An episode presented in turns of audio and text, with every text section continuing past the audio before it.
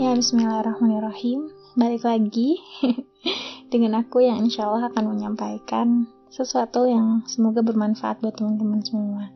Jadi, kemarin malam ceritanya aku baru chat sama temanku, ngobrol-ngobrol ya, seperti biasa. Seperti biasa kita ngobrol aja, chat biasa yang sedikit menyinggung ke bakat manusia. Mungkin teman-teman udah familiar sama beberapa tools yang digunakan untuk mengenal bakat manusia ada talent mapping kalau di Salman. Terus ada MBTI yang 16 personalities ada NJPT ada Steven dan berbagai tools lainnya untuk mengenal apa sih sebenarnya bakat yang kita miliki gitu ya. Sebetulnya mungkin uh, satu tujuan yang mungkin seragam ya di antara berbagai macam tools itu adalah untuk mengenali apa potensi besar yang dimiliki oleh seseorang dan bagaimana cara mengoptimalkannya gitu ya. Jadi setelah tahu potensinya apa, ya dioptimalkan gitu ya untuk menjadi sebaik-baik hamba Allah gitu. Nah, ada mungkin dua bakat yang cukup bertolak belakang mungkin ya antara feeling dan thinking gitu ya.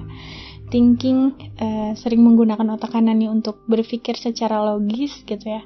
Sedangkan feeling ah, kebalik thinking sering menggunakan otak kirinya untuk berpikir secara logis sedangkan feeling sering menggunakan otak kanannya gitu ya otak kanannya yang lebih dominan untuk lebih merasakan sesuatu gitu.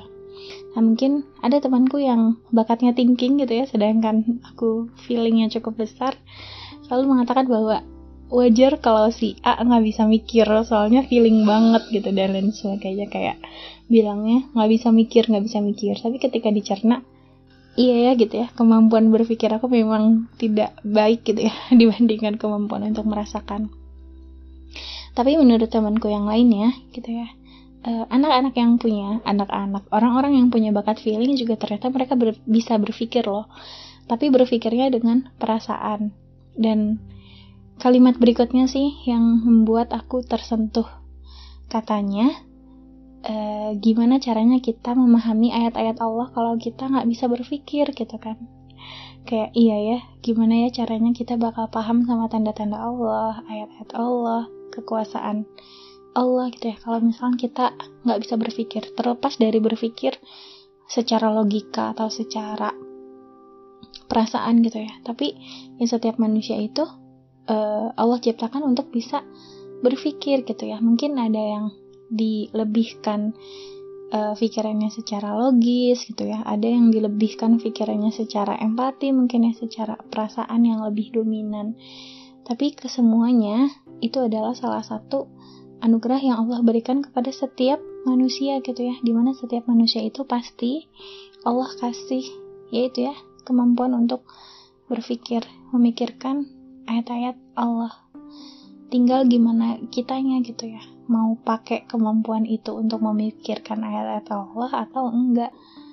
Gitu sih mungkin yang aku dapatkan dari chat sama teman aku semalam. Sekian